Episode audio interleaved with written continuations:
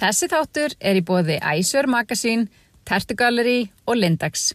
Í samstarfi við Æsver þá langar mig að segja ykkur frá jólagjafahandbókinni sem þið finnið inn á æsver.is. Það er hægt að finna ótrúlega margar sniðugar jólagjafa hugmyndir fyrir alla í fjölskyldinni. Það er ekkert betra en að fá hlýja sokka eða mjúka peysu í jólapakkan. Þú ert að hlusta á ofurkonu í Orlofi. Ég heiti Bjargæg og í þessum þáttum ætla ég að fá til mín skemmtilega gesti sem hafa eld ástriðuna og láti drauma sinna rætast. Lífið er engin glansmynd og það eina sem ég veit er að það er svo miklu skemmtilegra eftir ég fór að vera ég sjálf, sendi ofurkonuna í frí og keipti mig nýja skó.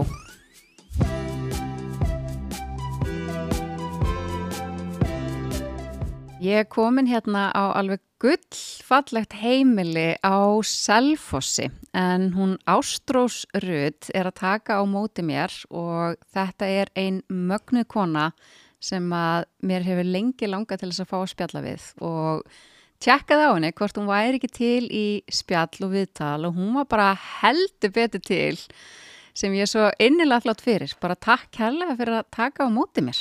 Já, nú lítið. Vertu velkomin. Takk. Eh, ég spurði þið áður að við byrjuðum bara hérna, hvernig viltu að ég kynni þig? Og, hérna, og þú varst svona alveg, já, ég veit það ekki, þú veist, ég er, ég er mamma og, og þú veist, ég er að gera alls konar, en svo sammæltist við um það að ég mætti segja frá því að mér finnst þú vera mögnuð kona. Takk fyrir það. Ég, ég slæ ekkert á móti svona fallegur hósi, þannig að maður bara tekur því. En myndið þú vilja kynna þið samt aðeins betur þannig að þeir sem er að hlusta og þekkja þið ekki geta svona aðeins fengið insýn inn í bara hver er konan og hvernig er þitt líf? Já, hvað er ég að byrja? Ég sést bí á Selfossi og á fjöguböld samtals með mannunum mínum. Uh, hann heitir Davíð Örn og er 37 ára gammal rafvirki, eða rafvirkja mistari, hann var nú að klára uh, hérna, alveg frábært nám hérna hjá, hjá rafment og getur titla sér sem rafvirkjameistari. Ég get kannski ekki titla mig sem eitthvað svo leiðis en kannski eitthvað nálætti í framtíðinu. Þannig að uh, já og við keiptum okkur hús hér á Selfossi árið 2021 mm -hmm. og mhm. tókum það alveg í gegn og ég var rosa mikið ólétta með hann en, en hérna já okkur líði bara ótrúlega vel. Uh, Já, hvað hva fleira? Veist, ég er er bara rosa mikil mamma í dag. Ég á, á þrjú börn undir uh, fimm ára og svo á ég einn tíu ára stjúpsón. Mm -hmm. Þannig að lífið mitt snýst svolítið mikið um börnum mín í dag og líka bara okkur, veist, sambandi okkar og, og lífið mitt og, og hvernig ég er svona er að haga mínu lífi. Mm -hmm. En maður er bara svolítið að taka bara eitt dag í einu og anda rólega, anda inn og út mm -hmm. og ég bara er að elska það að geta verið svolítið mikið til staðar fyrir bönnum mín, ekki að vera á stanslösu þeitingi. Já, það er dásanlegt og hérna og þú hefur svona verið að gefa uh, fólki insýn inn í lífið þitt bara til dæmis í gegnum Instagram Já. svona ert ofta að sína frá bara daglegu lífi og, og mm -hmm. segja frá þínum bara vangaveltum og tekur oft alls konar fyrir sem er mjög gaman að hlusta á Já Er það eitthvað sem að þú hefur svona í gegnum tíðina bara einhvern veginn fundið sem einhver leið fyrir þig að, að tjá þig að svona vera opinská með lífið þitt? Já, algjörlega. Ég hugsa að þetta sé svolítið mitt hjálpartól. Uh, ég nota þennan miðil mjög mikið í rauninni bara fyrir sjálfa mig. Einmitt. Bara að deila af mér uh, bæði vegna þess að fólk hefur bara gaman að því. Mm -hmm. Að sjá mhm. bara frá daglegu lífi og bara veist, hvað fólk er að gera og og svo líka bara vegna þess að uh, þetta losar um eitthvað hjá mér stundum þegar maður kannski þarf að tjásu um hluti sem maður kannski búið að liggja svolítið á manni og, og þá bara hjálpar það óbúslega mikið að bara tala um hlutina og Einmitt. mér finnst ég oft bara þegar uh, það er svolítið skríti kannski að vera manneski sem að horfir á mann vera að tala við síman að vera að tala við skjáin þetta er alveg stór skríti fyrirbari hvernig þetta er í dag mm -hmm. en þegar þú ert að fylgjast með mannesku og ert að bara horfa á hann að tala þú bara horfir í símaðin og ert að horfa á hann að tala þá finnst þér ofta eins og sérst bara við hliðin á hann og ert Já. í rauninni uh, að eiga samræðar við manneskuna Akkurat og ég held að þetta sé bara, þetta virki sko begja megin, bæði gott fyrir mig og gott fyrir aðra mm -hmm. að því að þá geta aðrir rauninni sett sér í mín spór mm -hmm.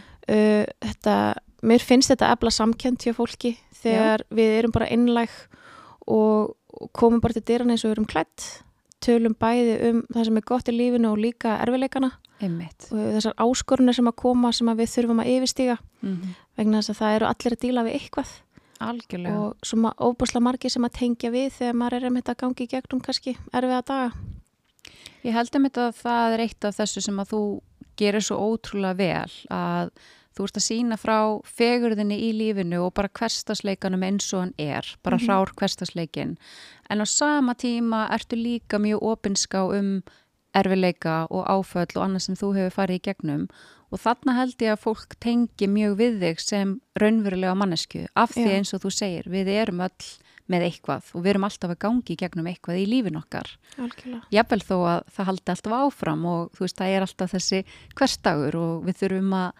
fara í vinnun okkar eða hugsa um börnin og bara all, all þessi rútina og það sem við erum að gera. Mm en svo sama tíma erum við öll með eitthvað sem við þurfum að takast á við. Algjörlega. Og ég, veist, ég hef alltaf ég hef alltaf reynd að koma með til dyrun eins og ég er klætt og ég, ég ádáliti erfitt með uh, þetta fullkomna lúk á samfélagsmiðlum uh, auðvitað er gaman þegar eins og til dæmis þegar maður gerir svona fyrir og eftir og Já. þegar maður er kannski að fara í, eins og núna, ef við erum að fara að jólaskreita og þá kannski sýnir maður svolítið svona hvern, hvernig þetta er hjá manni til að fá kannski inspiration ef ég að tala alveg geggjað ennsku hérna. Það Eh, má sletta, er það það má ekki? segja allt í þessi podcasti. Já, ég er mjög svo miklu heila þöku sko, ég kannst þetta ekki íslensku en, en, en mér, finnst, mér finnst það mjög, mjög, mjög Mhm. gaman. Mér, ég hef mjög gaman að því að, að horfa á vídeo eins og á þessu TikTok dæmi þar sem að ég er alveg með svona sér Christmas edition hérna, einhver, einhverja hérna, einhver account hérna sem að ég fylgist með bara til að fá hugmyndir um hvernig Já. mig langar að skreita mitt heimili. Mm og það, ég hef vola gaman að svoleiðis og þá má alveg vera fullkomið og það Já, má vera rosa flott, það er ekkit mál.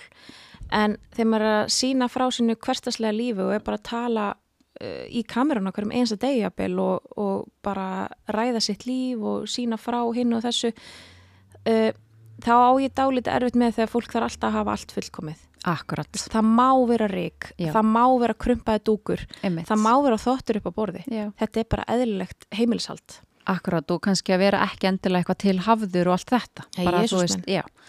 Þetta er Bara nefnilega, já, ég tengi bara rosalega við það sem múst að segja einmitt með að ég elska að fylgjast með fólki á samfélagsmiðlum sem að er að sína frá lífinu eins og það raunverulega er. Akkurat. En á sama tíma er svolítið gaman líka að fá glansmyndina á bara eins og, eins og þú ert að lýsa. Að ég meina, þú ert að leita eftir innblæstri, Akkurat. þá bara er rosa gaman að sjá eitthvað sem er mjög flott og einhver Já. er búin að leggja miklu vinnu í að stilisera og setja upp og allt þetta, þetta er líka bara svona aftreng, mm mm. eins og að velja sér hvaða sjónvarsþátt allir að horfa á, það er svolítið líka samfélagsmiðlarnir. Akkurat. Og ég meina margir sem að fá bara borga fyrir þetta og þetta er svolítið þeirra vinna Einmitt. eins og í bandaríkjunum Já, og þá finnst mér það bara allt í lagi að fólk setja Mhm. svolítið vinnu í þetta en, en eins og manneskja sem eins og ég þú veist sem er bara, ég er ekki að reyna að, að ná mér í fylgjendur ég er ekki að reyna að, að ná mér í einhver samstörfu eitthvað svoleiðis það er ekki alveg svona, hvað ég segja, það er ekki alveg mín markmið akkurat. uh, og, en ég virði þá sem að hafa það sem sín markmið að því það er frábært að hafa aukatekjur og, og, og vinna við þetta að þá vil ég hafa þetta nú svolítið í lámarki mm uh, ég vel mín samstur mjög uh, sérstaklega og, og ég vel þau vandlega þetta þarf að henda mér og, og minni fjölskyldu og þetta má ekki vera eitthvað svona sem að ég kannski fíla aðeins en samt ekki nógu vel og þetta þarf að vera alveg, alveg 100% Einmitt. þannig að uh, þess vegna vil ég bara hafa minn miðil bara uh, ekki upp stóran Einmitt. að því að ég vil líka bara geta emitt komið fram eins og ég er og ekki þurfa að hafa neinar ágjör að fá kannski einhver leiðileg komment einhver leiðilegar aðtöðsendur frá fólki sem að kannski veit ekkert hvaðan ég kem, veit ekkert um mig bara fólk sem að rampar inn á mig. Að því að þegar komið kannski 20.000 manns pluss þá er þetta mjög oft fólk sem að hefur ekki hugmynd um hver þú ert, hvaðan þú kemur og jafnvel bara fólk sem er bara pínu fíbl og er bara eh, með leiðinda skæting og ég bara, það er ekki það er ekki mín markmið. Mm um, allir mínir sem að allir mínir fylgjendur sem að fylgjast með mér reglulega, þetta er allt fólk sem bara þekki mig. -hmm. og finnst því, þeir, þeir finnst bara þeir þekkja mig að þeir, eru búin að fylgjast með mér svo lengi. Einmitt. og það virði ég og mér þykir svo óbúslega vænt um það. Mm þannig að þetta er svona já, þetta er vant með farið. -hmm. En mér finnst þú gerða nefnilega líka svo vel að nú til dæmis þekkjumst við ekki neitt en ég er búin að fylgjast með þér á samfélagsmiðlunum lengi bara og þú hefur komið í mörg viðtölu og annað. Þannig að þú þekki mig eiginlega. Nákvæmlega, það er það sem ég ætla að segja. Já. mér finnst ég þekkja þig að því að þú hefur verið svo opinská bara Já. með þig og þitt líf og, og þína líðan og bara það sem þú ert að, að gera hverju sinni. Og þetta gerir þú rosalega vel. Þannig að manni líður eins og maður þekki þig en við hefum aldrei hýst áður, skilur við paldið því maður, mm -hmm. það er alveg magnað. Mm -hmm.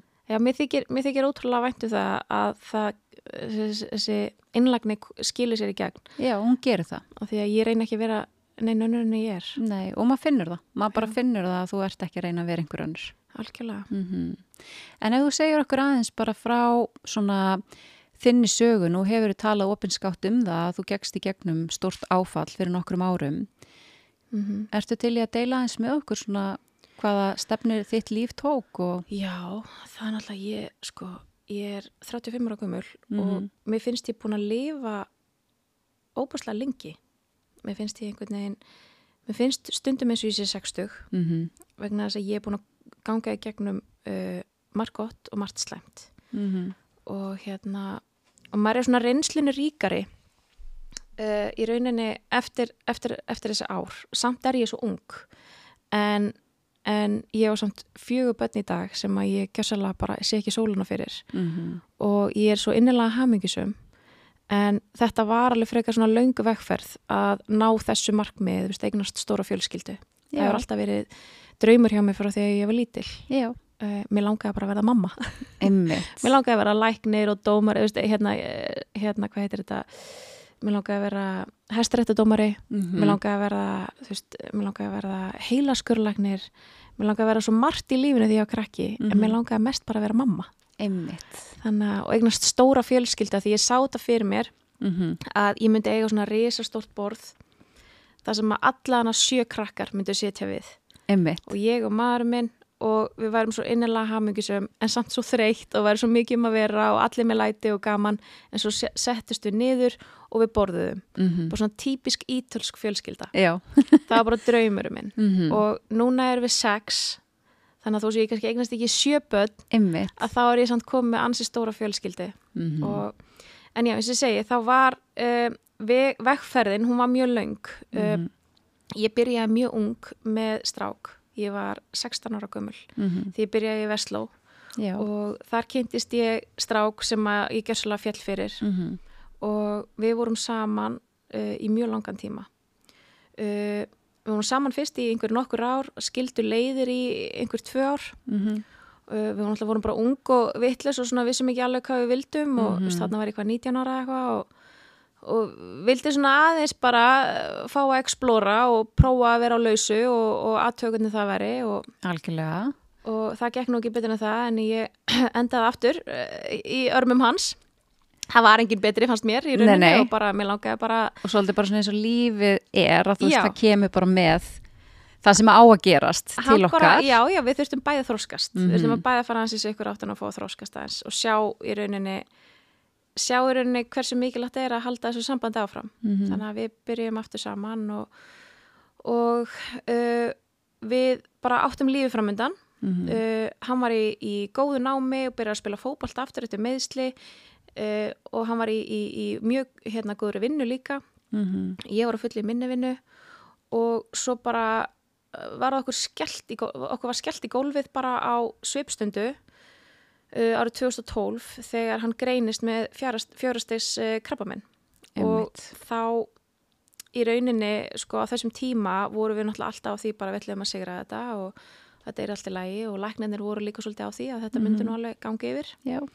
en það gekk ekki og hann var veikur í sjö ár. Þarna var, voru við hvað, 24 og 25 ára gumul Mhm. og veist, lífið er bara rétt að byrja og maður er bara veist, ungur og maður á að vera að njóta þess og vera að ferðast og hafa gaman og kannski kaupa sér sína fyrstu íbúð og Einmitt. og það var ekki alveg að fara að gerast þar sem að hann var bara ofbóslega veikur í sjö ár.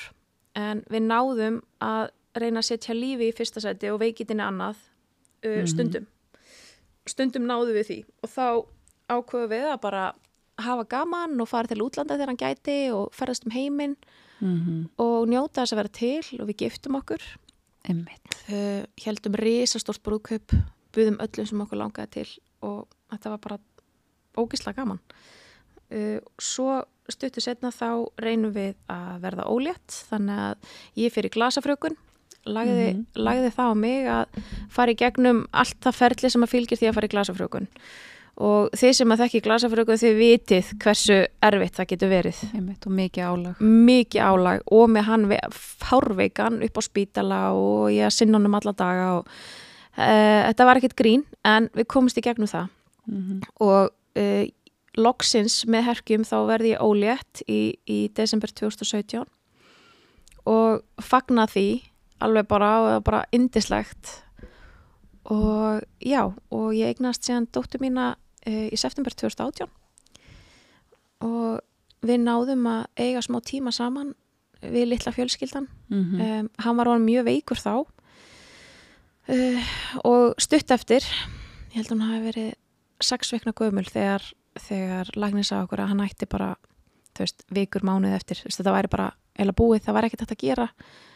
Og ég harneitaði því vegna þess að ég vildi að hann myndi kynast dóttur sinna aðeins betur og eiga aðeins lengri tíma þannig að við fundum eitthvað lif sem að gæti mögulega að gefa honum aðeins lengri tíma. Mm það virkaði aðeins.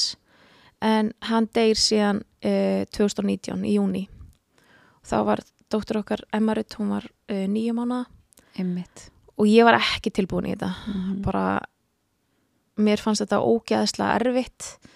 Og líka bara að því að ég var alveg vissum að við myndum ná sumrunu saman og hann var búin að vera íta á mig að fara til hérna, útlanda með dóttur okkar í sérst 50 ammælisferðina hjá stjúpafum mínum Einmitt. og hann ætlaði alltaf að koma með en það var ekki að fara að gerast þarna þá Mhm. og hann ætlaði bara að skuttla sér nú líknatild í nokkra daga og ég myndi fara út og fara á ströndina Já, þú myndir bara svona aðeins skreppa og meðan hann myndi örfá að daga aðeins að hlaða batterín mm -hmm. af því það er eins og hann hafi vitað hvað væri að fara að gerast Einmitt. og hann vissi að ég þyrta að hlaða batterín svo ég myndi höndla þetta Mm og þannig að hann fer bara inn á, inn á líknadeild og er í góðum höndum þar bara fullkomnum höndum gjörsalega Mhm. og, og mamma og svo pappi náttúrulega og allir og sískinni eru á staðnum og, og allir bara mjög svona bara ástrús farð út, þú hefur Mhm. gott að þið ég fyrir út í nokkra daga.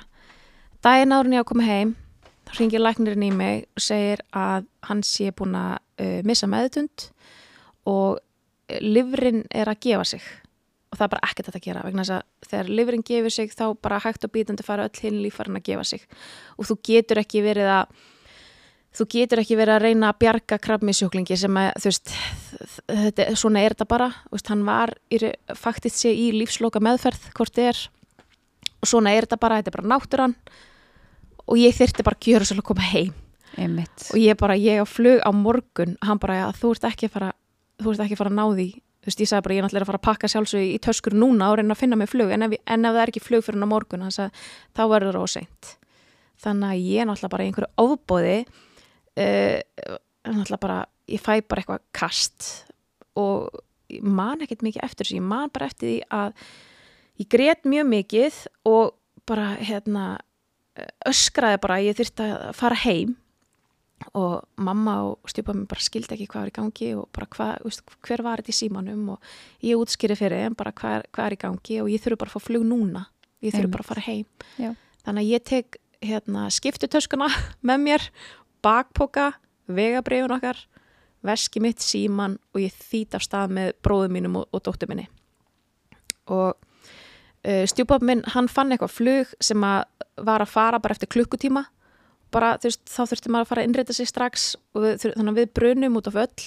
Millilendum í París og þaðan lendum við í Íslandi. Mm Mhm. veist, ekki einu sinni með far til Reykjavíkur en neitt, þú veist, við bara, við fundum einhvern veginn út úr þessu. Já. ég hljópi gegnum þrjá flugvelli. Mm, með dóttur mína í, í, hérna, í stólnum sínum Mm og bara ég man bara einhvern veginn að ég var bara, ég verð að komast heim, ég verð að komast heim. Og mér fannst þetta svo típist. -hmm. ég er búin að vera með honum mm. ég er búin að standa við hliðina honum í sjö ár ekki búin að fara neitt, hef alltaf verið hjá honum. Ég fer í frikinn þrjá fjóra daga og þá bara ætlar hann að deyja. Já. þú veist, ég var bara hvað, hvað er málið og mér, mér, fannst þetta svo mér fannst þetta svo rámt Mhm. að þú veist, ég vildi ekki að hann myndi fara án mín, þú veist, ég, ég ætla að fá að vera hjá honum þegar hann myndi kveðja þannig að þetta var þetta var svona svolítið erfitt að vera í flugvilinni bara á bara, Og vita veist, ekki. veit ekki neitt, Mhm. skilur bara allan degja meðan ég er í flugvilinni og ég fæ hengin skilb og ég veit ekki neitt þannig að Mhm. þetta var svona pínu erfitt og ég man að ég fekk mér bara eitt gin og tónik og reynda að slaka þess á taugunum og svo bara eh, kom held ég frænk okkar að segja okkur og skutla okkur í, nýr og líknadild Mhm. og þar hleyp ég inn og, og þá er hann bara ennþá sem betur ferð þú veist í sömu stuðust, hann er bara meðutundalaus og, og hann, hann hérna feð bara beint í fangið á mér og þar lá ég bara hjá honum og svo kvatt hann á hádegi daginn eftir Mhm. og hann kvatti bara í fangin á mér og, og ég fann það svona að hann var að fara á þessum tíma þannig að ég svona segi við, við sýstur hans og, og, og mömmu og bara hérna hann er að fara þannig að þið þurfum að undirbúa ykkur núna og ég finn það bara og þannig að ég bara þakka honum fyrir einu tíman okkur saman og saði að það væri lægi að myndi fara Mhm.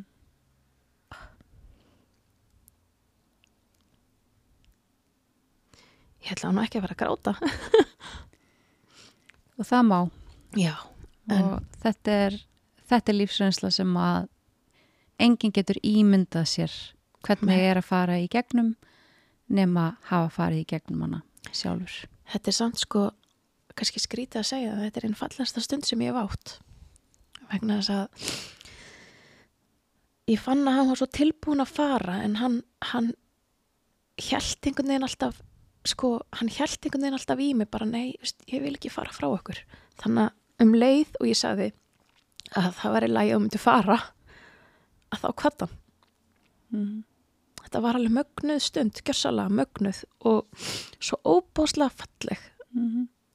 að ég einhvern veginn ég get ekki annað en, en, en talað um hana og, og bara vegna þess að þetta á ekki að vera bara ljótt og hræðilegt vegna þess að við fáum tvær kæfri línu, við fæðumst og við deyjum og það sem að gerist inn á milli það er okkar ábyrð hvernig við hugum okkar lífi.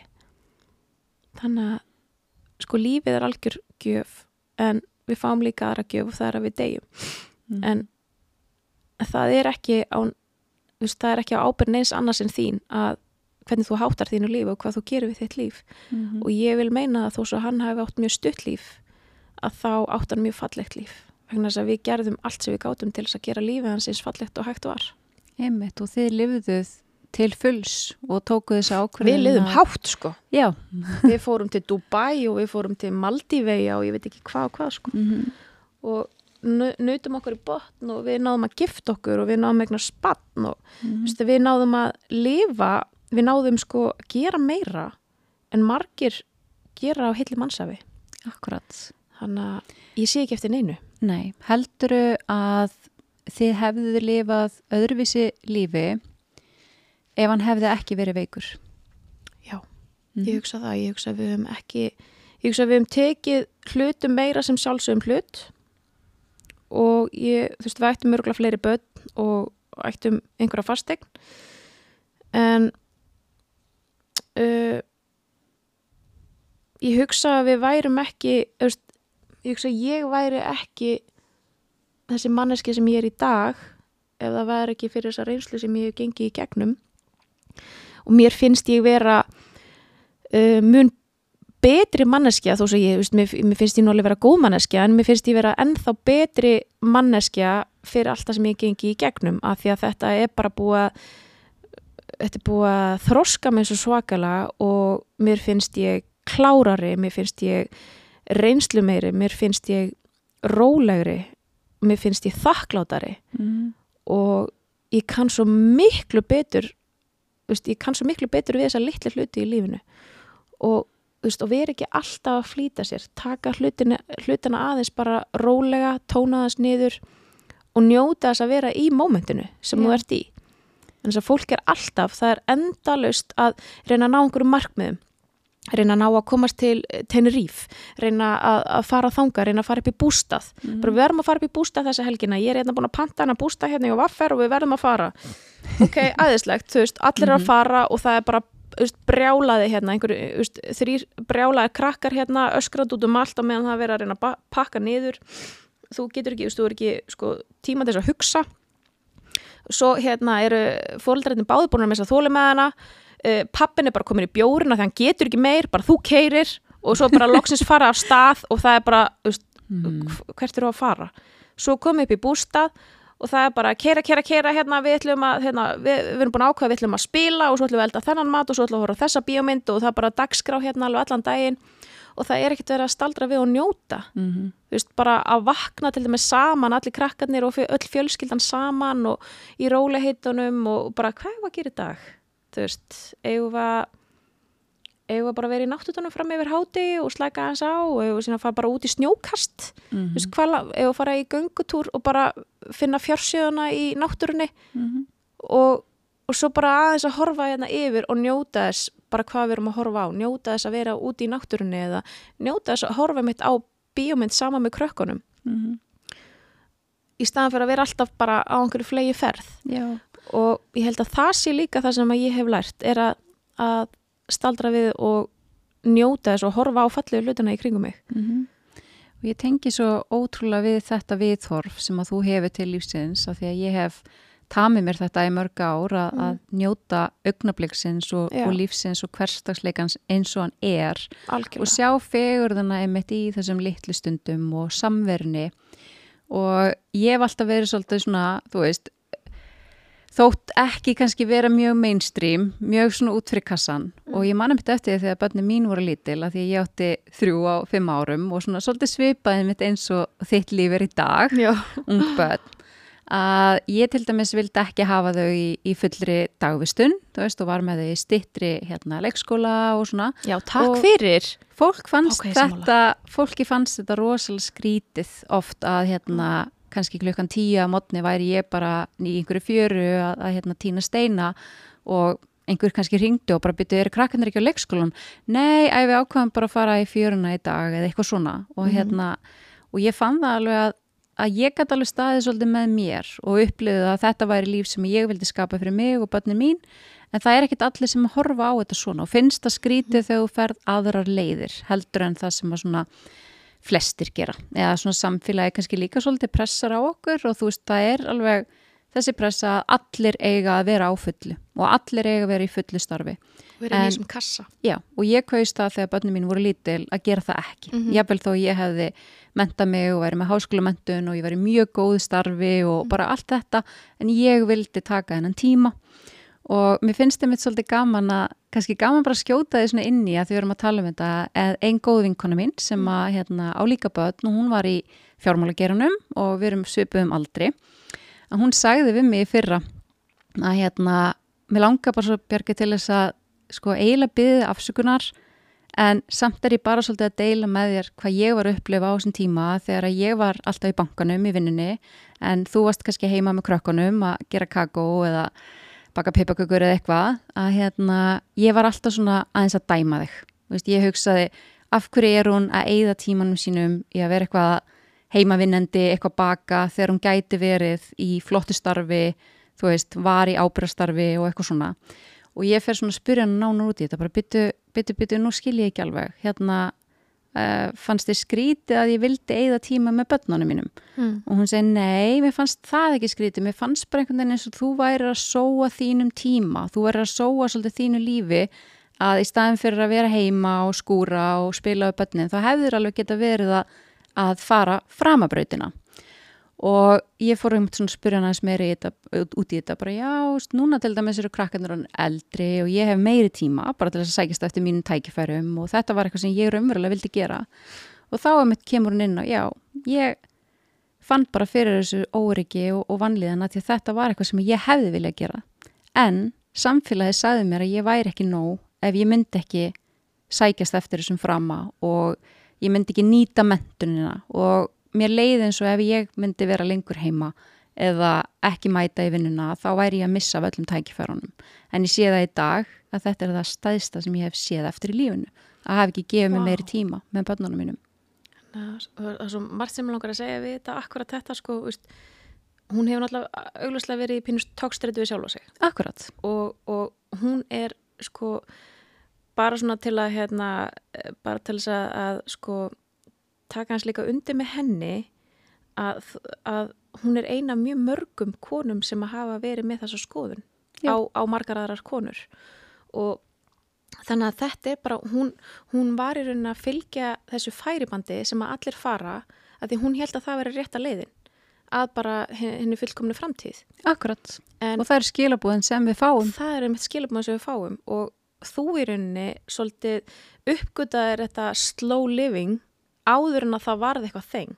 Já, og, það, og bara um leið og mínimalismin kom til sögunar og fólk var að tala um það að Já. þá tengdi ég rosalega inn í þetta að sagt, lifa hægara lífi, Já. svona hæglæti. Ég held að við séum ekki alltaf nógu góði í því að hlusta bara á virkilega þarfir okkar og barnan okkar og það sem ég er mjög stolt af að hafa gert er að veri bara ótrúlega samkvæm sjálfur í mér ef ég hef bara fundið Barni mitt getur ekki verið svona lengi í dagvistun eða til dæmis eins og frístund. Barni mín áttu mjög erfitt með það og ég hafði það ekki í frístund heldur komið þið heim eftir skóla. Þau voru lítil. Og ég var að vinna bara til eitt til dæmis á daginn til þess að geta verið komin heim og taka mótið. Og þetta líf hendaði okkur miklu betur. En á sama tíma eru margi sem að horfið á það þá þannig svona já, þetta getur hún leift sér, þú veist, hún er í stöð til að gera þetta, en það var aldrei þannig. Þetta var spurningum forgangsröðun. Og, þú veist, ég fór til dæmis ekki í sjö ár Erlendis að því að ég var bara komið mér upp húsi og var hei, mikið heima með börnum mín. Og mm. þegar við fórum í sumafrí þá var ég ekki að fara til útlanda eða í bústaði eða eitthvað svoleiðis heldur við vorum bara í fjöruferðum út í gardi og eitthvað svona. Og fólk horfið svolítið í þetta sem svona eitthvað hérna að þú verður að vera í einhverju rosalari stöðu til að geta þetta en þetta snýst um að hvernig ætla þú að forgangsraða þínum tíma? Í hvað ætlar að verja tímanum þínum í þessu lífi? Ég hefði alveg geta verið að vinna miklu meira og átt á kannski einhvern fínan bíl eða eitthvað. Ég hef alltaf verið á gömlum bílum og bara, þú veist, allt þetta. Þetta er, þetta er líka mjög mikið spurningum hugafar og val. Talað um gamla bíla, sko, ég er á Ford Expedition 2005 ég elska allt við fyrir utan hvað hann eði miklu en hérna, hann er reyndar svo, eila svo eini sem að tekur all börnum mín sko. en, Þú þarf stóran bíl fyrir stóra fjölskyldu Ég þarf stóran bíl, já, og fyrir kerruna og hundabúrið og allt mm -hmm. þetta en, en sko, þetta er mitt máli að þú þart ekki, þú þart ekki að fara veist, til útlanda þrjus ára með börnin uh, til þess að þau verða hamingisum og eignast minningar. Þú getur eignast minningar bara í gardinum hér. Akkurat. Eða, eða þú ekki með gard út á svölum mm -hmm. eða bara inn í stofu. Þú getur gert það sem þú vilt. Veist, ég veit ekki hversu oft ég er búin að vera með svona Hérna, búum okkur til hús úr teppum og púðum og eitthvað svona krakkarnir elska þetta, mm -hmm. mér er þessi elsti Já. hann dyrkar þetta, hún er veist þetta svo gaman að vera bara, eiga samveru með okkur, fara með pappa sinum út í fókbólta, eða með mér og ég get ekki neitt, skiluru, af því að hún finnst það náttúrulega mjög fyndið, mm -hmm en akkurat þetta, þetta slow living að slaka bara eins á mm -hmm. uh, að þurfa ekki að vera með börnin í fullri dagvistun það var akkurat líka draumurinn á mér, að geta verið heima fyrir börnin þegar þau koma heim úr leikskóla, úr skóla þurfa ekki að vera í 8-9 tíma á dag í leikskólanum. Mm það er akkurat það sem ég vil gera akkurat núna, að því að börnin mín eru lítil og mér langar að vera til staðar. Mm þetta er bara svona í nokkur ár. Þetta er ekki þetta er ekki forever. Nei, þetta er svakalega stuttu tími þú getur mettaði hvena sem er. Já. þú getur verið 60 í námi. Mm þú veist að, að ég var að lesa viðtalið um eina konu sem er sko, ég veit ekki hvað hún er með margar háskólagráður fleiri en Georg Bjartfræðsson, það klátt en, en hún er sko hún er með allt á hreinu í sínu lífi mm. og hún er ennþá að menta sig Já. mér finnst það alveg frábært mm. og þetta er eitthvað sem ég mun gera þegar ég get mm. og þegar ég hef tíma mm. að því að það sem að skipti mig mestu í, mestu í lífinu akkurat núna, það er fjölskylda mín og það er börni mín að vera til staðar fyrir þau og akkurat að geta gefðum þeim það sem þau þurfa og það Já. er samvera og vera til staðar mm -hmm. og, og eins og til dæmis ef að börnin eru veik eða starfstæður, það er ekkert mál fyrir mig mm -hmm. þannig að ég er til staðar nú þegar. Maður minn, hann tekur á sig að vinna aðeins meira núna Uh, á meðan við erum bara, við, sorry, við, bara, við þurfum að hafa efn á hlutunum mm -hmm. það bara, matarkaran er bara sky high í dag skiptir ekki málu hvað maður reynir að saksa allt niður en, og húsnæðslegan og allt saman, það er að mhm. borga hlutina þannig að við erum bara með, með þannan samning, hann er að vinna aðeins meira núna, ég er meira til stað fyrir börnin, mm -hmm. þó svo hann sé heima á kvöldin og allt það að þá erum við bara með þennan, þennan samning, við erum, við erum að gera þetta saman. Mm -hmm. og svo ég fari inn á launin líka. Það skiptir engu máli hversu mikið ég, veist, hversu mikið ég hef í laun og hversu mikið hann hefur í laun. Launin eru okkar. Einmitt. Og mér finnst það skipta gríðarlega miklu máli þegar kemur að þegar þú ert, þú ert að reka heimili þegar þú ert með börn að launin séu ykkar. Og það skiptir engum máli hver er með hvað og hver er með hvaða upphæð. Þetta er bara ykkar. Þið þetta er eigið- þetta er bara fyrirtæki ykkar. að reka fjölskyldu. Akkurat og eins og núna er ég meira heima og ég er meira að sjá um heimilið. Ég sé meira um matinn og, og veist, ég meina, ég er heima þannig að ég get alveg þrifið nema þegar ég hef ekki orku til þess og þá bara þrýfur hann. Það er bara, Mhm. við, þetta er bara samstarf. Já. það er ekki mín vinna að þrýfa heimilið okkur með einsta degi þó svo hann sé úti að vinna. Já. ef það þarf að skúra, þá bara skúrar hann. Þetta er ekki flókið, þetta er líka hans heimili hann býr hérna. Þú veist, ég og ekki þurfa að þrýfa nærbuksur og sokka af honum bara vegna þess að ég fæ að vera heima ég fæ það í gjöf að fá að vera heima.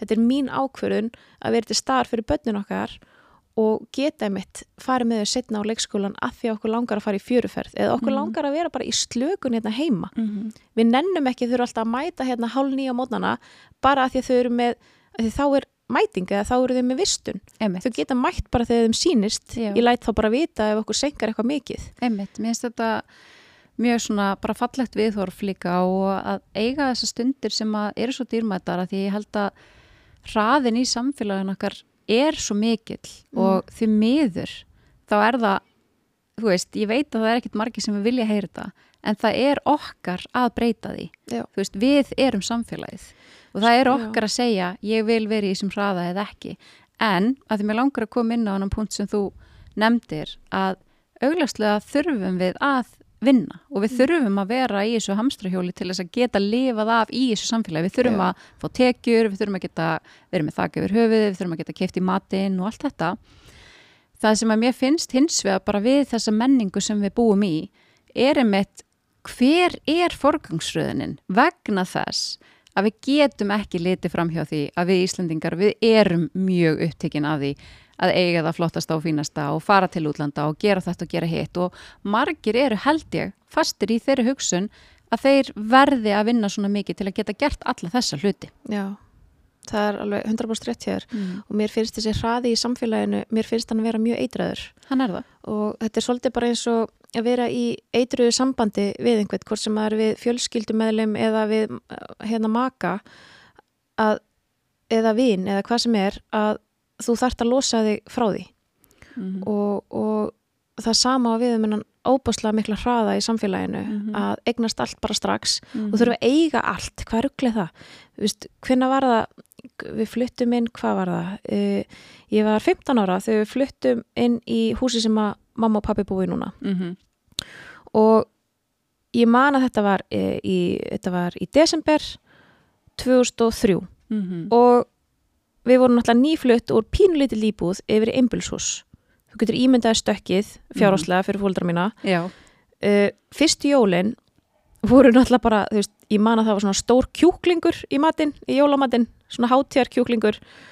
Og þú veist, það, svo man ekki, ég held að amma hafi gert ísinn fyrir okkur og eitthvað svona, þú veist, þetta var bara þetta voru mjög ódýr jól Mm og gæfirnar þær átt að vera mjög litlar vegna þess að við vorum nýbúin að kaupa hús. -hmm. Þú veist, og mamma og pabbi voru alveg, við öll vorum að kaupa hús.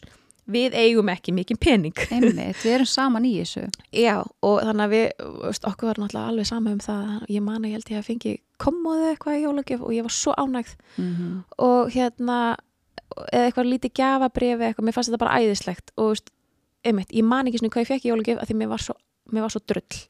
Það sem að skipti mjög mestu máli var þessi dásamlega samvera. Já. og við áttum svo óbærslega góðan tíma að því að Mhm. þau voru svo einhvern veginn svo stilt inn á það að vera ekki að flýta sér á mikið því þau hvort er þau höfðu ekkert efni á neitt rosalega miklu þannig að það var ekkert úr miklu að móða þannig að í rauninni höfðu bara tíma til þess að vera með kertaljós og spila. Mm og þetta var bara, þetta voru styrlustu jól sem ég hef upplifað, þau voru svo þægileg og Já. ég man alltaf eftir þessum jólum þannig að það, skiptir í rauninni ekki máli sko, veist, hvaða, hversu mikið að peningu átt, heldur meira bara hvernig þú nýtir hann og hvað þú gerir með fólkinu þínu Já. Af því það er það sem að skapar mestu minningarnar. Vist, ég hef alveg farið í einhverja risaferdi Tenerife og það voru margar góða minningar þar en og ég það er líka alveg geggjað geggjað sko. bara, ég þú elska sólina og ég elska sitja í, hérna, við sundlegabakkan með, með hérna, bjóri í hendinu og bara not a care in the world algjörlega og það má líka veist, leifa sér að lifa og einmitt gera þessa hluti og Mm. ferðast og allt það það sem að mér finnst bara svolítið gott að við erum að taka þetta spjall er svolítið hvað pressu eru við að setja á okkur einmitt að lífið eigi að vera svona hins Nákvæmlega. og í þessum hraða eru við svo oft að gleyma bara litlu stundunum að kannski bara get ég tekið mig frí í vinnunni einn dag í þessari viku og átt bara dag með börnunum mínum Já. þetta oft er ekki alveg svona inn í einhvern veginn svona hugafarnu að bara veistu ég þarf kannski ekkert alltaf að vera fimm daga vikunar í vin vinnunni. Kannski Nei. er alveg möguleiki að vinna aðeins minna eða breyta eða Algjörlega, eitthvað. Og þetta er alveg eitthvað sem ég held bara að margi mætti alveg hugsa um. Bara þú veist, er ég að lifa lífinu eins og ég vil vera að lifa því? Eða er Já. ég að eldast við þessar hugmyndir sem að samfélagið um, er búið að innprenta í okkur að við eigum að vinna svona mikið og við eigum að ná þessum frama eða ef þú mentar í þessu þá áttu að vera í þessu starfi. Veist, ég held að við megum alveg staldra svolítið við og, og skoða, er ég að lifa lífinu eins og ég vil vera að lifa því?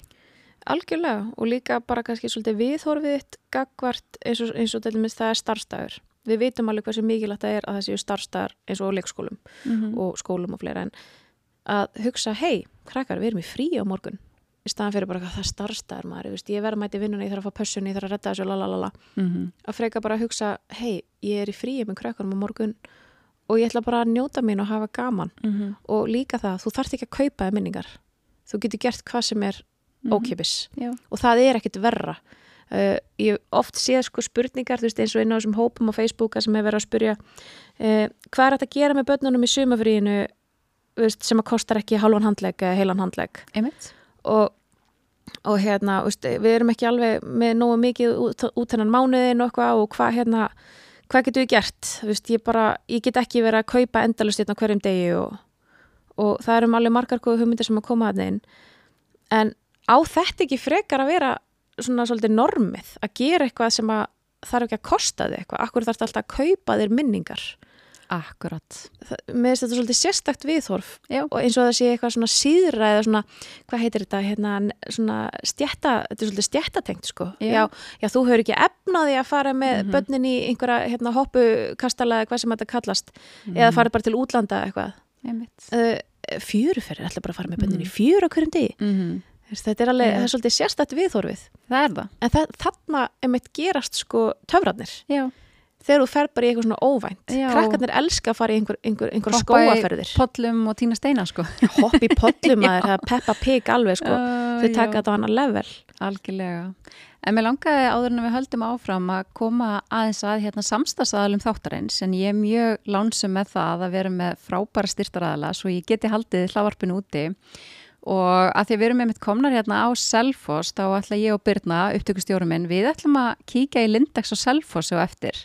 Ég elska hvað búðin hérna á Selfossi er með frábært úr, úrval, til dæmis fyrir börn, barnafötin eru æðisleg og svo eru þau líka með alveg frábært úr, úrval af nærfötum og hérna náttfötum. Við Birna ætlum að fara að kíkja okkur á jólanáttföt. Ó, geggjað. Já, kíkjur stundum í Lindex hérna á Selfossi. Já, sko, nú er ég ekki samstarfið Lindex en Nei. ég elska Lindex Já. ég hérna, ég máli er já, ok, veist, á ég að deila þessu með ykkur jú, ég ætla Já, að gera það það má segja allt í þessu hlaðarpi. já, ég er búin að deila þessu með, með fylgjendum mínum áður að útsölusláin í Lindex á Selfossi er svo besta á landinu Ú, þetta er geggja tips. Ég vissi ekki á þessu. já, ég gerði suttaleg kaupum daginn Ok. þá Ég held að það hafi verið kringum 20 flíkur, þú veist, það voru jólagjafir og föt á börnin og, og, og bólur á mig og ég borgaði 12 og 9. Þetta átt að kosta 63.000. Ég Vá, borgaði 12 og 9. Þannig að, já, en nei, fyrir ekki, fyrir ekki, ég var með 5 skrona gjafabrif þannig að þetta átt að kosta þá eitthvað um 18.000. Já. Ég ætla ekki að fara að ljúa ykkur. Nei, nei, nei, nei, en bara vel gert. Já, og, ég var svo heppin snillt að ég, já, ég mitt sko, ég fekk hérna skilabóð frá Lindex eitthvað, taktu þátt í lukkuhjólinu Einmitt. og ég eitthvað svona, hei, já, geri það bara meðan ég var inn í búðinni og ég Já. var 5 skrona gjafabrif.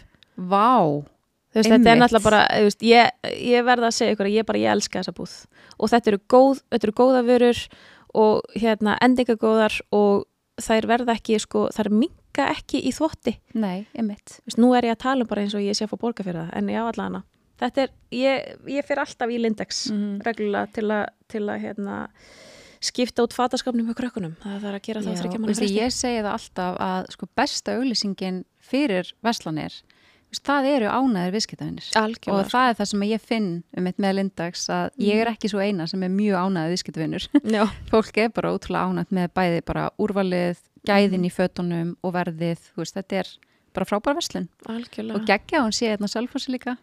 Já, ég er bara mjög hrifina. Ég er alltaf líka svolítið, ég talaði svolítið mikið um uh, sparnað mm uh, inn á mínu miðli af því að þetta er bara partur af heimilisaldinu hjá mér. -hmm. Ég hérna plana til dæmis matinn mánuð fram í tíman. Einmitt, ég hef Og- séð ofur skipulagið þitt og ég elska það og ég dáist að þér sko Já, sko, það, það er eitt að vera að halda skipul, nei, að, að, skipulegja og svo er annað að halda skipulaginu. Einmitt, það það er reyndar rétt Það er stundur svolítið erfitt, sérstaklega þegar maður er kannski eh, óvænt búið í mat eða, eða maður vill freka bara nýta ágangin frá deginum áður af því að það var ekki borðan á mikið þá og svona. Akkurat En máli er að ég passa mig alltaf á þriðutum þá set ég samtíningur úr ískapnum.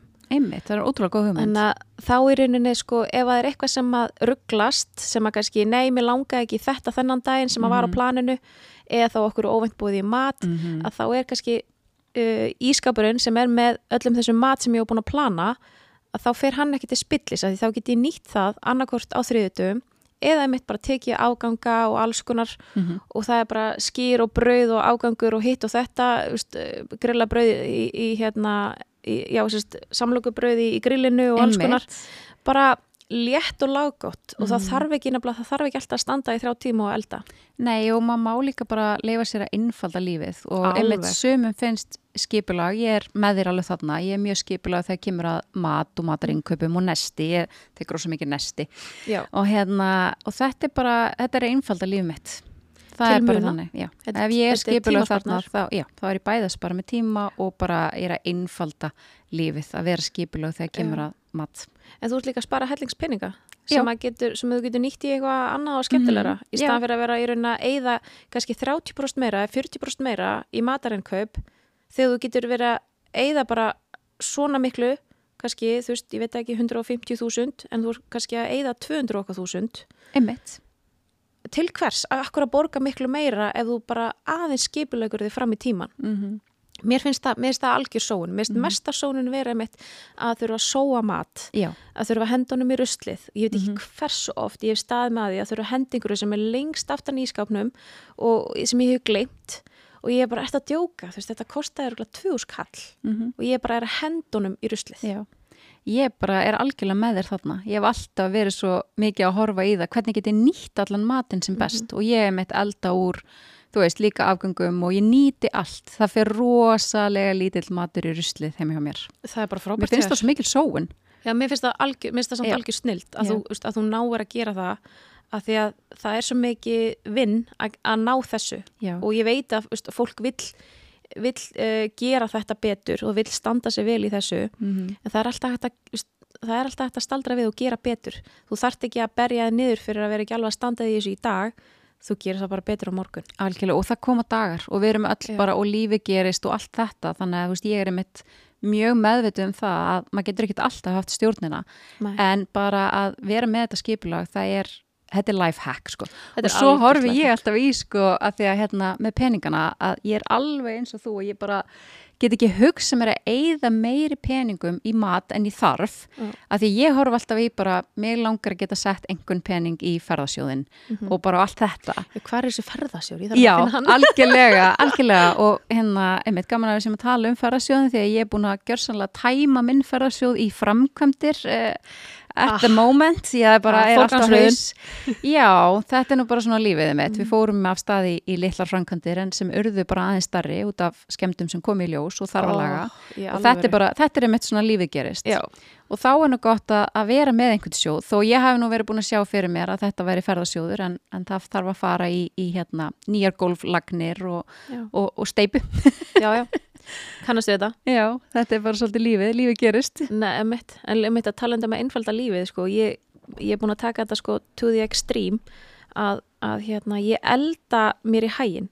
Ég sem sagt bý til svona típiskan mat sem að ég veit að krakkata minn er elska og geta Já. fengið alveg nokkur sinnum í mánuði Mm eins og bolognese, Já, taco veist, ég elda þetta í miklu magni og fristi bara í réttum, réttum þingdum mm og svo setja ég þetta bara inn í fristi og ég á þetta aldrei lengur en, en svona 36 mánuði.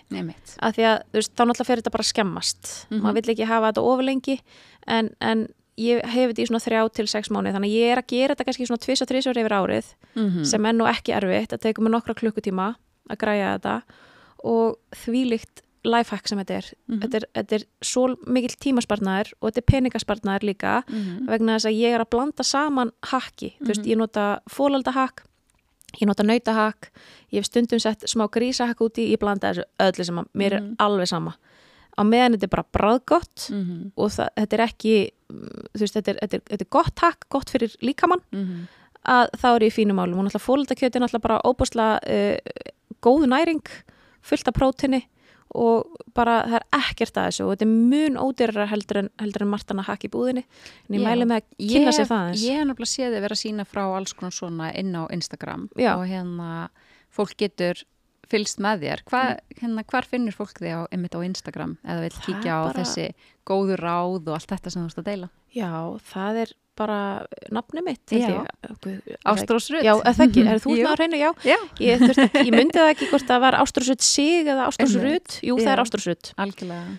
og, og þannig þá er maður bara, já, maður, eins og ég segi ég deil, deili mínu lífi en svo Mhm. deili ég líka eitthvað sem hendar mér og er sniðugt Já, algjörlega og minnst þú svo góð í þessu og, og hérna e, og það sem vorst að lýsa mitt á þann að hérna eiga svona í fristi Mm. ég hef verið mjög duglega að gera svipað og ég kalli þetta bara, þú veist, að eiga skyndibita í fristi Akkurat. þannig að þegar þessi moment koma sem þú eitthvað, ok, ég er ekki að fara að ná að elda þú veist, það er bara einhvern veginn, ég er ekki að ná að halda þetta skipulagi, þá getur þú kift þessu út úr fristi og hérna hendi opnin ég á til dæmis hérna, mjög oft bara lasagna mm Mhm. tilbúið í, í fati inn í hérna fristi Já. og maður getur bara gripið þetta, látið þetta þiðna og svo bara hendin í opn. Þú veist, þetta er mjög þægilegt. Þetta er svo þægilegt Já.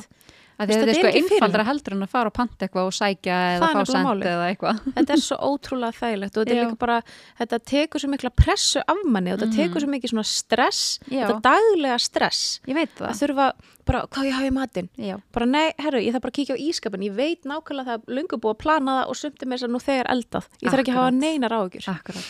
Svo er ég líka aðdáðandi þess að einfalda með lífið og til dæmis að ég er í samstarfi við Tertugalari að ég er búin að vera að nýta mér þeirra þjónustu í mörg ár, bæði fyrir ammali og veislur, að þurfa ekki að vera að standa á haus kannski marga daga að baka, heldur geta bara pantað og verið með eitthvað tilbúið líka. Mér Já. finnst það líka, um, þetta spara líka peninga þegar þú ert að spara þér tíma.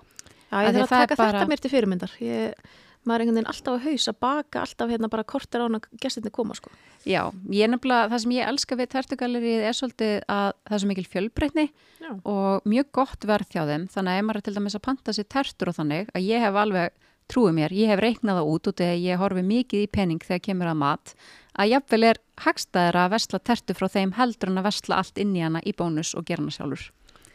Ok Já, þannig að þú þarft núna að fara að taka upp reiknivélina og kíkja á þetta. ég þarf eitthvað að skoða þetta maður Já, en þetta bara einfalda manni lífið svo mikið líka að hérna e, að leifa öðrum stundum að gera eitthvað fyrir sig. Já. Að stundum einhvern veginn hérna bara einfalda þetta, herri ég ætla bara að panta þetta, þá hef ég meiri tíma til að gera eitthvað annað, Mhm. þú veist, og eins og til dæmis með, ef við tölum um eins og með barnahamali, að ég held að mesta eftirvæntinginu með tjá krökkunum er að fá að velja hvaða diska þau vilja hafa eða fá að hjálpa til við að skreita kökun og allt þetta Já. og ef við gæfum okkur með tíma að svolítið leifa þeim bara þú veist þetta er ammali mitt, mjög langar að hafa þetta svona í staðin fyrir að vera alveg á tauginni inn í eldhúsi bara farða að leika þér, ég er að baka, Já. ég er að haust þú veist allt þetta, veist þetta líka svolítið partur af því að hérna, fara inn í svona hæglátara líf, að líka leifa sér stundum bara, veist, ég ætla bara að panta eitthvað sem að gera þetta einfaldar fyrir mig Já, og þau bara líka hafa gaman að því að, plana ammali með manni, sko. Einmitt. Þetta er alveg, veist, dóttur mín, hún alveg elskar allt þetta að fá að skreita og, Mm og hérna, hún getur ekki beðið eftir að fá jólaskreita, sko. Þú veist, þegar ég þarf að taka alla mína 12 eða 13 kassa af jólaskreiti. Við erum svolítið crazy þegar kemur á jólunum. Já, ég kannast við það. Við höfum svolítið gaman að.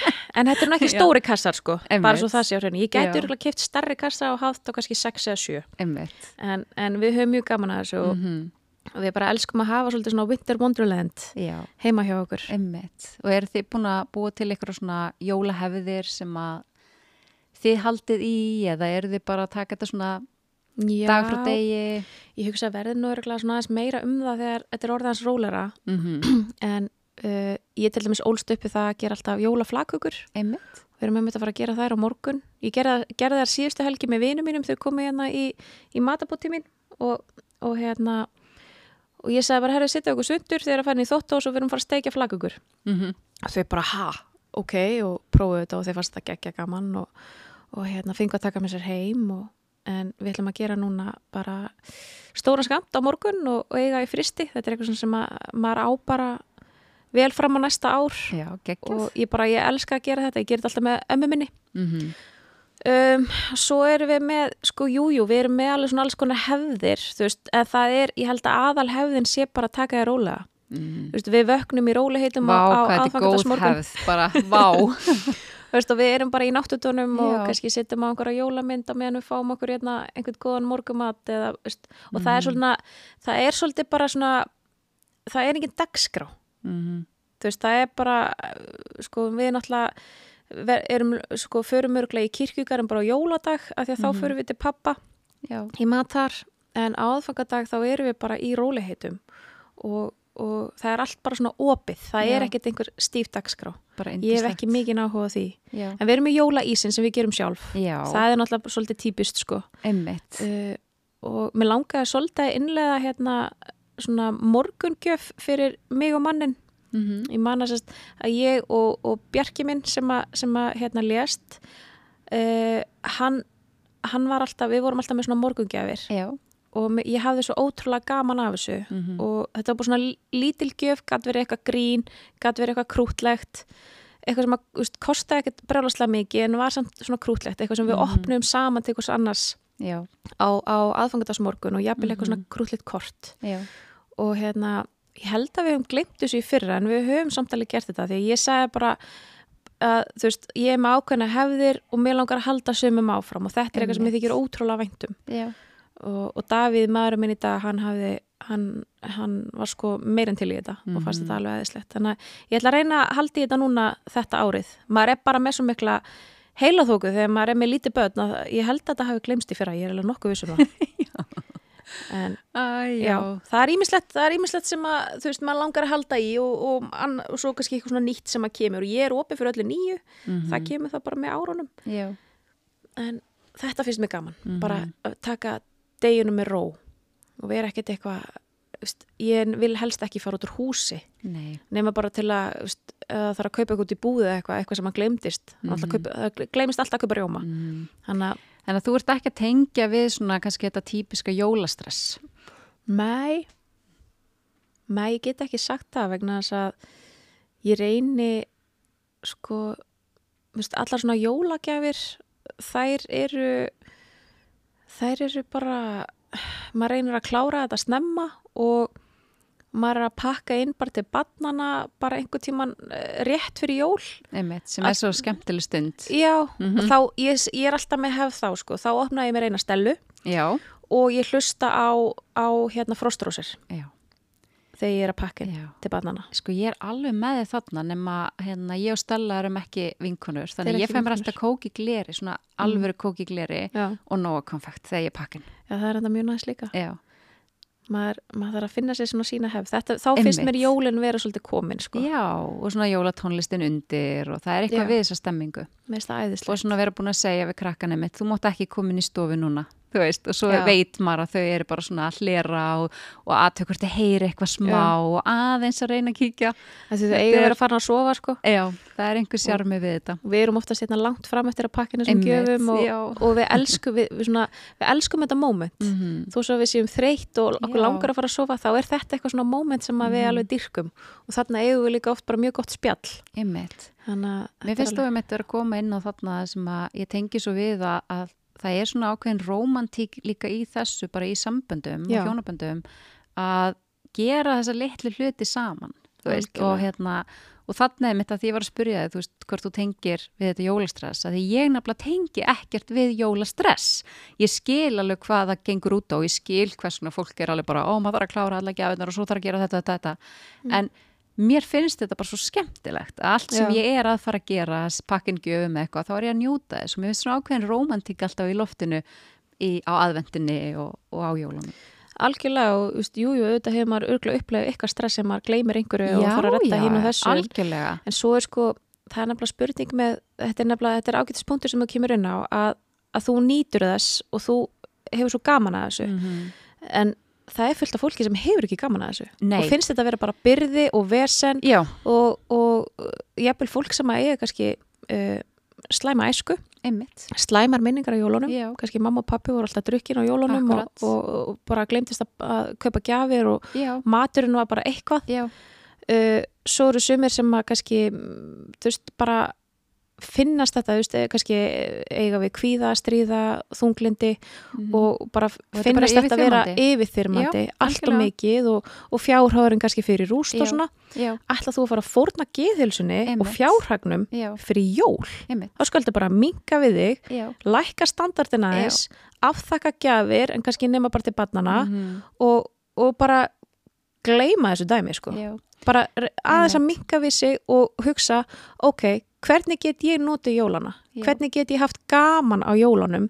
Og Mm. fólk sem að kannski hefur átt erfið jóloft, já uh, hvernig get Skapa ég sér sína eigin Já, minningar, nýja breytt minningar þessu, hvernig get Já. ég breytt þessu minstri þannig að ég geti fara að njóta jólana Mhm. og skapa mína eigin hefðir, eigin minningar og Mhm. eigin gleði. Já, Að því eins og ég hef svo oft sagt, já, þú veist, lífið er bara hamingi sem þú skapaðir. já og ef að þú ætlar að, að vera um, ef þú ætlar að vera fastur í því að eiga Mhm. alltaf ömuleg jól Já. að því að þú ólst upp við að eiga frekar Mhm. ömuleg jól Já, þá þú, veist, þú, þú verður að taka ábyrð á sjálfu þér og þú Mhm. verður þá að breyta hlutunum og breyta viðhoruninu einmitt til þess að þú getur eignast góð jól og átt góða minningar af því að þú veist, þú átt það, þú átt það svo fullkomlega skilið að eiga Já. góð jól Já, ég er svo innilega sammálar þarna og líka að kannski eitt af því sem að ég hef bara verið laus við með þetta stress er að ég hef ekki sett þessa pressu á mig að til dæmis eins og með gjafir að ég menna ég var bara með lítil börn og við vorum bæði í háskólan á mig og við áttum enga peninga.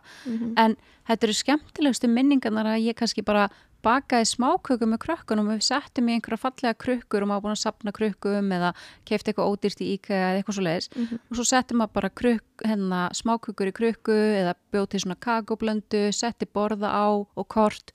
Og þetta fannst mér raunverulega ekki vera lélega gjöf eða að því hún kostaði svo lítið en eitt slíkt.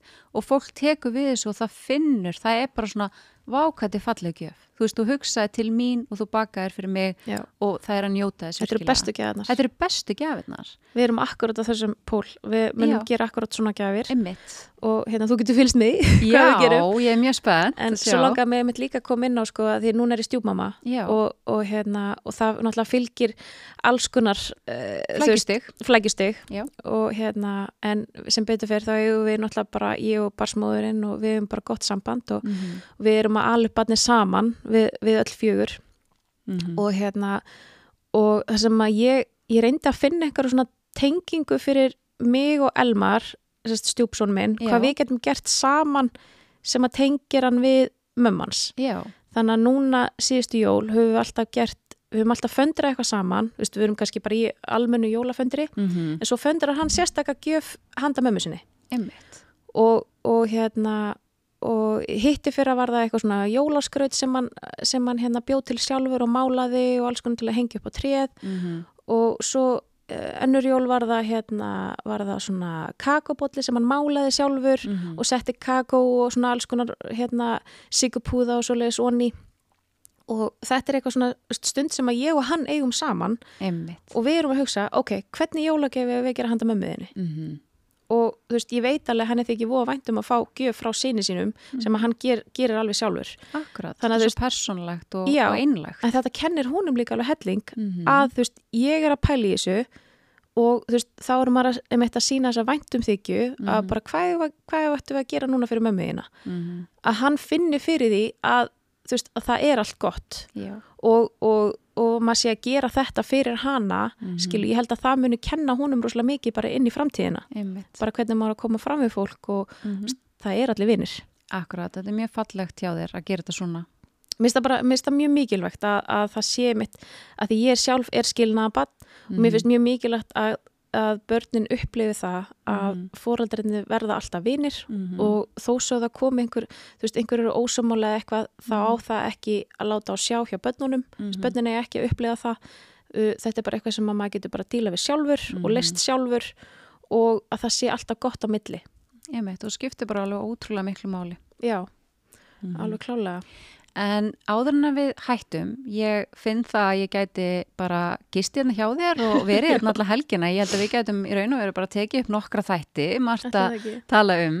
En mér langar að mitt aðeins að spyrja þig bara um svona þína vegferð eftir að hafa gengið í gegnum stór áföll í þessu lífi. Bara hvernig er staðin í dag? Ertu að vinna í sjálfrið þér? Hvernig svona tæklar þú lífið eftir að hafa gengið í gegnum það sem þú hefur? Já, gert. sko, það er náttúrulega bara, hvað er komin mörg ár síðan, fjögur ár, fjögur og hálft ár síðan. Mm Uh, ég, sko, uh, þetta er, uh, ég er náttúrulega bara búin að fara í einhverja rú, rússipanna vegferð og búin að fara í gegnum hóla og hæðir. En ég er að finna svolítið fyrst núna á þessu ári, hef ég verið að finna, finna fyrir að ég er tilbúin að takast á við sorgina og Mhm. vinna þess meira í henni. -hmm. Ég hef alltaf haft hana svona með mér og, og reynt að gera eins vil og ég get en Mhm. ég er líka búin að vera mjög duglega svolítið að loka á hana. Aðalega vegna þess að ég varð ástfangin bara frekar snemma. Mm um, eitthvað sem að ég bjóst ekki við. En ég bara regi við þetta uh, og þetta var einhvern veginn alveg óvænt. Koma, kom eins og þrjum úr heiðskjörulofti og ég ákvað að að taka áhættu í ástinni og bara, þú veist, bara sleppa öllum beislum að mér og bara leifa mér og það gaf sér tvö börn og, og hús og bara þvílíkt hamingisamt uh, verðandi hjónaband og fallegt líf. já, rosalega fallegt líf Mhm. en ég fann það alveg ég þyrfti alltaf einhver tíman að fara að vinna í svari sorg Mhm. og vinna í sjálfur mér vegna þess að ég fann það að ég var uh, orðin mjög þreytt og með mikla, mikla heilaþóku og var mjög verkjuð á meðgöngunum mínum og Mhm. eftir meðgöngu uh, en ég náttúrulega bara hafði kannski ekki mikinn tíma til þess að vera að pæla mikið í sjálfur mér og setti mig svolítið aftarlega á listan þar sem að ég var bara ég eignaðist þrjú börn á fjórum árum og, og við vorum að hérna, kaupa hús og taka það allt í gegn og veist, það var bara brjála að gera hjá okkur Mhm. þannig að ég setti mig svolítið uh, til hliðar og sorgina mína og allt saman og bara sjálfa mig og núna finn ég svona að ég hef meiri tíma til þess að hugsa um sjálfa mig. Mhm. núna eru öll börnum mín á leikskóla og gengur vel en ég mitt er, er ekki með því fullri dagvistun þar sem að mér langar að vera til staðar og, og geta verið meira með þeim yfir daginn sem er, sem er bara því gjöf fyrir mig. Mm, En- og líka bara, sorry, ég ætla ekki að vera að því í frásögninni sem er frábær en líka þetta sem að mér finnst skipta máli bara að því við erum búin að ræða þetta mér fannst það alltaf og finnst það mjög mikilvægt að börn fái þetta tækifæri til félagsþroska og að þroskast með öðrum börnum. Já. og það að fara á leikskóla finnst mér alls ekki neikvægt, heldur ofbáslega jákvægt algjörlega. Og bara einhvern veginn þetta að e, geta síðan þá gert það þannig að börnin þurfi ekki að vera lengur en að þau bara hafa þólmörk fyrir og maður sjálfur vill að þau séu. Já, og eins og þú ert að gera þetta að, að augljóslega er ótrúlega gott fyrir þig að þau fari í vistun hluta á degi til þess að þú geti sint þér og það er ofbáslega mikilvægt líka. algjörlega ég er, ég er að horfa þetta bara svona svolítið sem minna, minna mína, hvað er ég að segja, mína vinnu í dag Já, akkurat. að ég er núna bara í endurhæfingu Já. Ég skokkaði á vegg allhressilega uh, í byrjun árs og fann það bara að ég var að krassa Já. og ég var hann allt of þreytt, ég var fann að ruggla svo miklu, ég er ennþá svolítið stópul í máli, Einmitt. uh, ruggla saman orðum, finn ekki rétt á orðið, stundum pínu þoklumælt ef ég er mjög þreytt. Mm og uh, mikið verkjuð og uh, stittir þráður, -hmm. veist, eitthvað sem að var ekki til, þú veist, ég, ég er mjög þólum að manneskja, þannig að ég var ekki alveg að skilja af hverju ég var alltaf í norðin svona einhver svona ólga í mér sem ég reyði ekki við. Uh, þannig að ég fótt til læknis og hann sendi mig beint í veikindalöfi sagði bara, elsku ásturs mín þú ert bara komin í kulun og þú ert bara að gjöra svo vel og fara að gera eitthvað í þínum málum. Akkurat. bara ég er að senda hérna beðinu og virk þú ert að fara í endurhæfingu og la la la la la og reyndu bara að slaka á aðeins í sumar. Mhm. ég er bara á ég að slaka á ég, ég er heima með eitt dreng, ég verð heima með þrjú börn í sumar í júli Þetta, ok. þetta er rosa slökun. sjáum til hvernig þetta gengur. Svo farið þau öll, í, öll í, á leikskóla núna í, í september og gengur rosa vel og þau eru bara að elska þetta og, og núna er ég komin inn í virk. Mm sem að ég lofsing Já.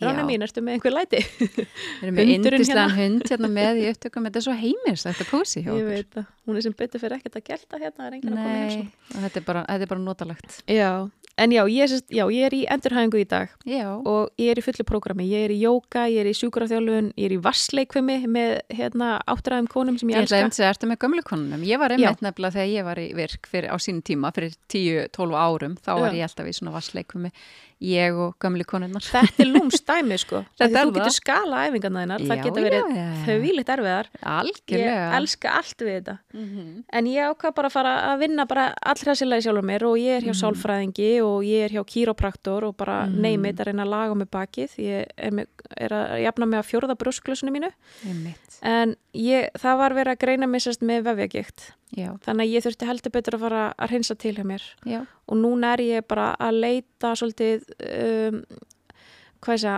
ég er að leita leiða til þess að láta mig líða betur og jafnvel til þess að laga mig aðeins. Já.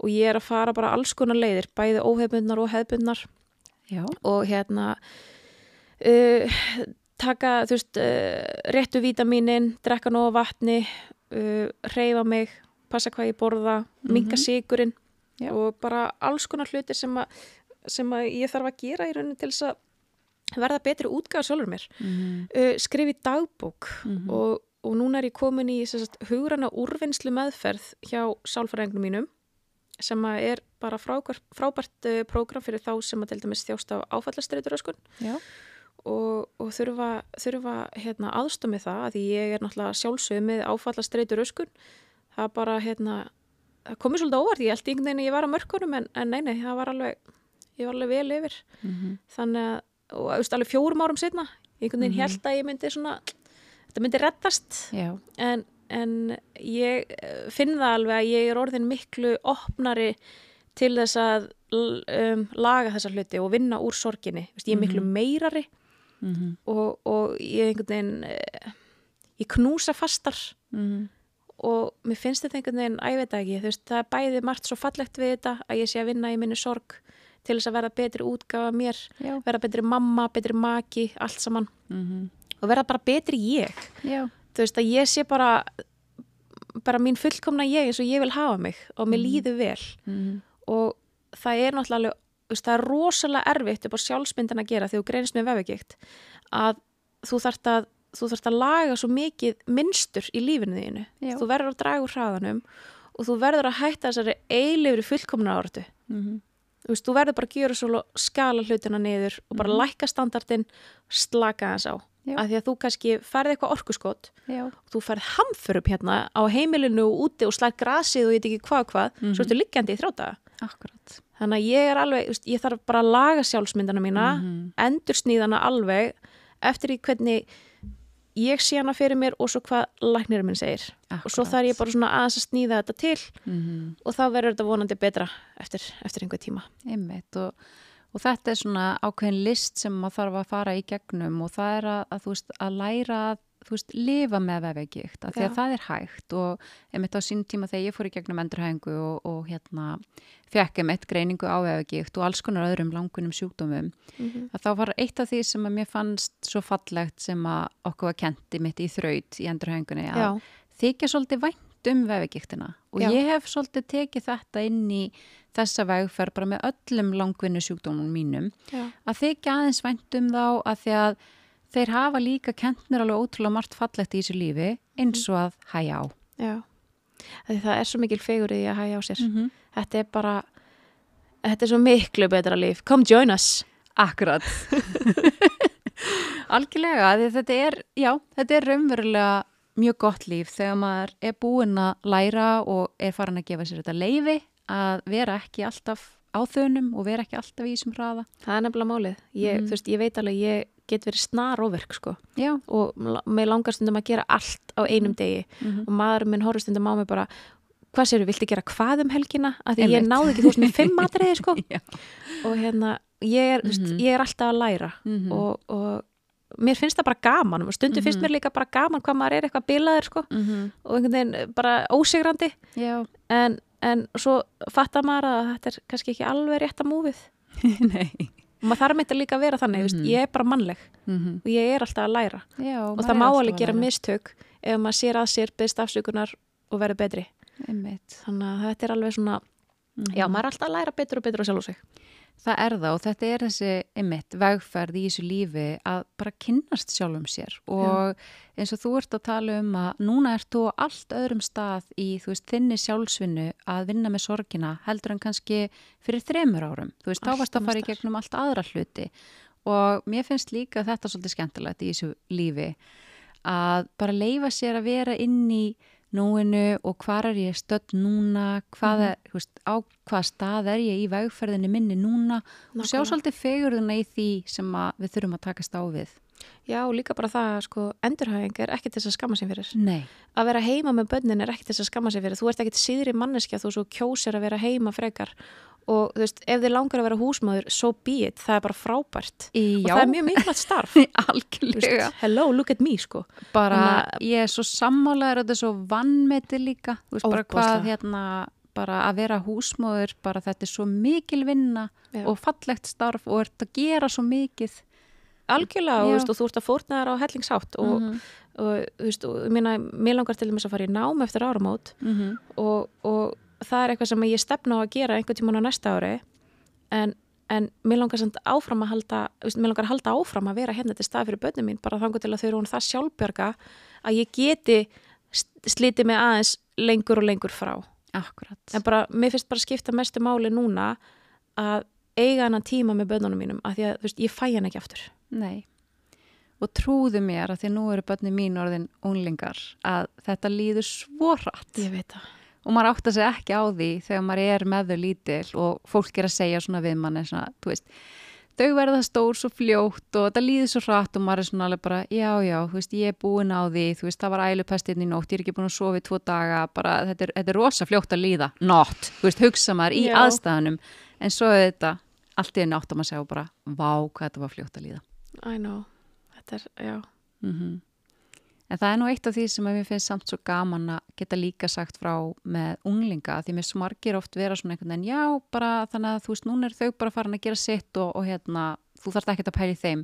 Ú, það sem nei, nei, nei, það mér átt finnst svo geggja við að eiga unglinga er um eitt bara hvað, þú veist, þau elska að gera hluti með okkur. Já. Þau vilja alltaf vera með og það er eitt að við erum að plana eitthvað og svona þá er alltaf bara byrju, er við ekki að fara með? Þú veist, megum við ekki koma í þetta og allt þetta, mér finnst það geggjað. En það er svona hinn ultimate sigur fyrir, fyrir fóldrana að þú hefur gert svo helling rétt í lífinu þegar emitt úlingarnir vilja gera eitthvað með þér. Þú veist, jújú, þeir eiga sína vinni og þeir vilja hafa sitt félagslíf. En Já, að þeir njóti þess að eiga samveru með þér ennþá, Mhm. orðin kannski 15, 16, Mhm. 20 ára Einmitt. og þau eru samtalið bara, mér langar að gera eitthvað með ykkur, má ég Mhm. fara með ykkur til útlanda? Já, algjörlega. Já. Mér finnst það bara geggjað og ég elska líka að stundum er ég að leifa krökkunum að koma með mér í vinnuna Já. og hérna stelpa mín til dæmis var að hjálpa mér um daginn bara í sólarring við myndatökur og alls konar og það var svo gaman og ég hef líka leikt stráknum að koma með og, og hérna bara svona sjá hvað ég er að gera og fylgjast með þú veist að því að vinnan mín er mjög fjölbreytt Mm. og ég man alveg þegar ég var lítill mér fannst það rosalegt sport að mig að koma með í vinnuna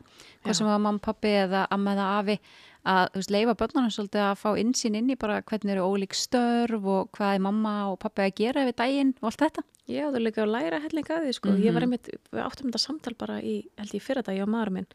Í hérna, eitt af okkar hérna kottahjólum hérna Mm -hmm. að þá var ég myndi að segja bara mér finnst svo mikilvægt að þegar við erum að gera eitthvað hérna heima, veist eins og við erum kannski að smíða borplötu eða Mhm. við erum að uh, bara klára eitthvað svona dæmi hérna heima, klára pallin eða við erum að fara að hérna, smíða grindverki hérna, Mhm. að börnin séu svolítið í kringum okkur, séu með okkur í þessu Já, og jafnvel fái eitthvað að prófa eitthvað sem er kannski ekki hættulegt einmitt bara að taka þátt. Já, Mhm. og við erum að fara að smíða hérna eh, svona tré, tréhús hérna, uh, upp í trénu hjá okkur á, á, sérst, fyrir næsta sumar. Mm Þau eru allan tíman að fara að smíða þetta með okkur og Já. mála og ég veit ekki hvað og hvað. Já, Og velja hérna, eh, hérna stól og borðu eitthvað þarna inn vegna þess að þau læra svo mikið af þessu. algjörlega. Við eigum ekki að gera allt fyrir þau Mhm. og, og, og þau fylgist ekkit með og hvernig eigum þau þá að læra ef Mhm. þau gerir þetta ekki sjálf. Mm Þetta er alveg eins og bara, nei, nú ferðu sjálf í skóna, þú ferð sjálf í úlpuna, þú getur rentinni sjálfu Mhm. upp. Já, Þetta er nákvæmlega sama að þegar við erum hérna út á palli og við erum eitthvað að græja að gera, að þau séu með okkur í þessu og fá að gera eitthvað sjálf, fá að spreita sig sjálf, Mhm. af því þannig læra þau best. algjörlega og það er líka bara þessi samvera sem við erum búin að um þessi samvera þarf innmitt ekki að vera eitthvað sem er einhver keift afþreying og allt þetta Nákvæmlega. heldur þessar litlu stundir þegar við leifum börnunum okkar að taka þátt í því sem við erum að gera. Algjörlega. Það er líka falleg og góð samverustund að leifa þeim að vera bara með. Algjörlega, ég gæti Mhm. ekki bara sammála. Mm Þannig að, við erum sammála. Já, við erum rosalega sammála. Haldið við værum, bara, værum gett ósammála. Þú veist, að ég væri bara gett Ah. dómhörða og þú vildi vera heima með bönnunum þínum og einmitt, ég bara, nei, ég ætla bara að fá að vinna í banka. Já. Það er bara ekki. Þú svo það sé líka bara gugt starf, sko. Já, bara algjörlega og svo ótrúlega mikilvægt að við finnum öll bara hjá okkur sjálfum og í hjartan okkar hvað það er sem við viljum gera í þessu lífi. Já, sem að gefur þér Akkurat. lífsfyllingu. Akkurat. Og ég mitt kannski gaman bara að enda á þessum orðum sem að mér finnst svo falleg og þú ert með inn á Instagraminu þínu, þú veist, bara hamingjan er lífið sem þú skapar þér. Já, það er nefnilega málið. Mm Það er bara akkurat þannig og það er í rauninni mín ákvörun, veist, ákvörun sem ég tók Já. eftir að ég misti Bjarka að ég tók ákvörun um að halda áfram og skapa mér mína eigin hamingju vegna þess að það geta það allir. Uh, það skiptir ekki máli í rauninni hvað, hvað það er sem að gengur á í þínu lífi vegna þess að við, við göngum öll í gegnum eitthvað umurlegt og það skiptir rauninni engu máli uh, það sem að skipti mestu máli er rauninni bara hvernig þú tekst á við það og hvaða ákverðinur þú tekur í framhaldinu, hvort þú ætlar að fara uh, leiðina sem að er svona, þú veist lífið mitt er umurlegt ég er föst í þessu eða fastur í þessu, ég kemst ekki neitt áfram ég verð bara að sætta mig við að þú veist, eiga aldrei pening eða ge, get aldrei gert neitt út af mínum sjúkdómi eða líða alltaf bara svona illa eða að vera pínu mér langar ekki að nefna þetta eh, þessi fórnalamsmenning Mhm. en það er bara svolítið sannleikurinn samt Akkurat. sannleikurinn eins og við tölum um aðan sannleikurinn er stundu pínu sár uh, frekar að þú takir ákvörunum að halda áfram og gera betur í daginn í gær Já. og hvað getur þú gert til þess að láta það líða betur hvað getur þú gert í dag til þess að láta það líða betur Mhm. þú veist, að, að hugsa aðeins í lausnum í staðan fyrir að sjá alltaf vandamálunni í kringu þig já. það er ekki fara að hjálpa það neitt Nei. þú kemst ekkert áfram þú hugsaður lausnum Mhm. og ég vil fær utanankomandi hjálp bara hvernig get ég leist þetta veist, hvernig get ég leist það Mhm. að ég á aldrei pening eða hvernig get ég leist það að uh, mér líður alltaf mjög illa Mhm. Veist, hvernig get ég leist það að samböndu mín ganga aldrei upp það er alltaf halda fram hjá mér, hvað er málið Mhm. Þú veist, það er ekki endilega hvað þú ert að gera ránt heldur líka bara hvað þú ert að draga að þér Já. og, og veist, hvað, hvað getur þú gert til þess að, að þú eig, uh, er, sért í heilbriðu sambandi til dæmis með því að bara setja nógu góð mörg Mhm.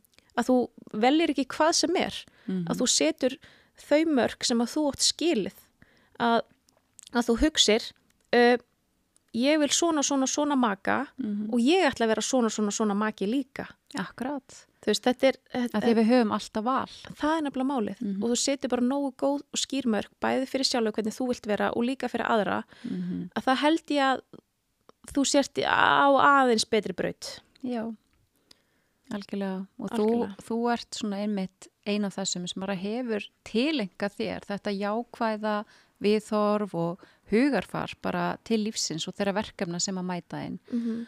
Og ég veit að, að þú ert eftir að vera inblástur og kvartning fyrir marga og þú ert nú þegar búin að vera það. Þannig að mér langar bara að þakka þið svo innilega fyrir að spjalla og deila svolítið þinni sín á lífið því að hún er svo falleg. Takk sem að leiðis.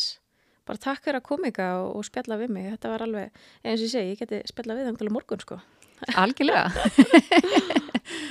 takk fyrir. Takk, takk.